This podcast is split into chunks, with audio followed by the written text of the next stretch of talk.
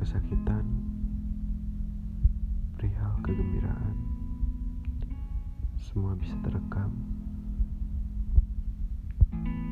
dan kau hanya mendengarkannya saja.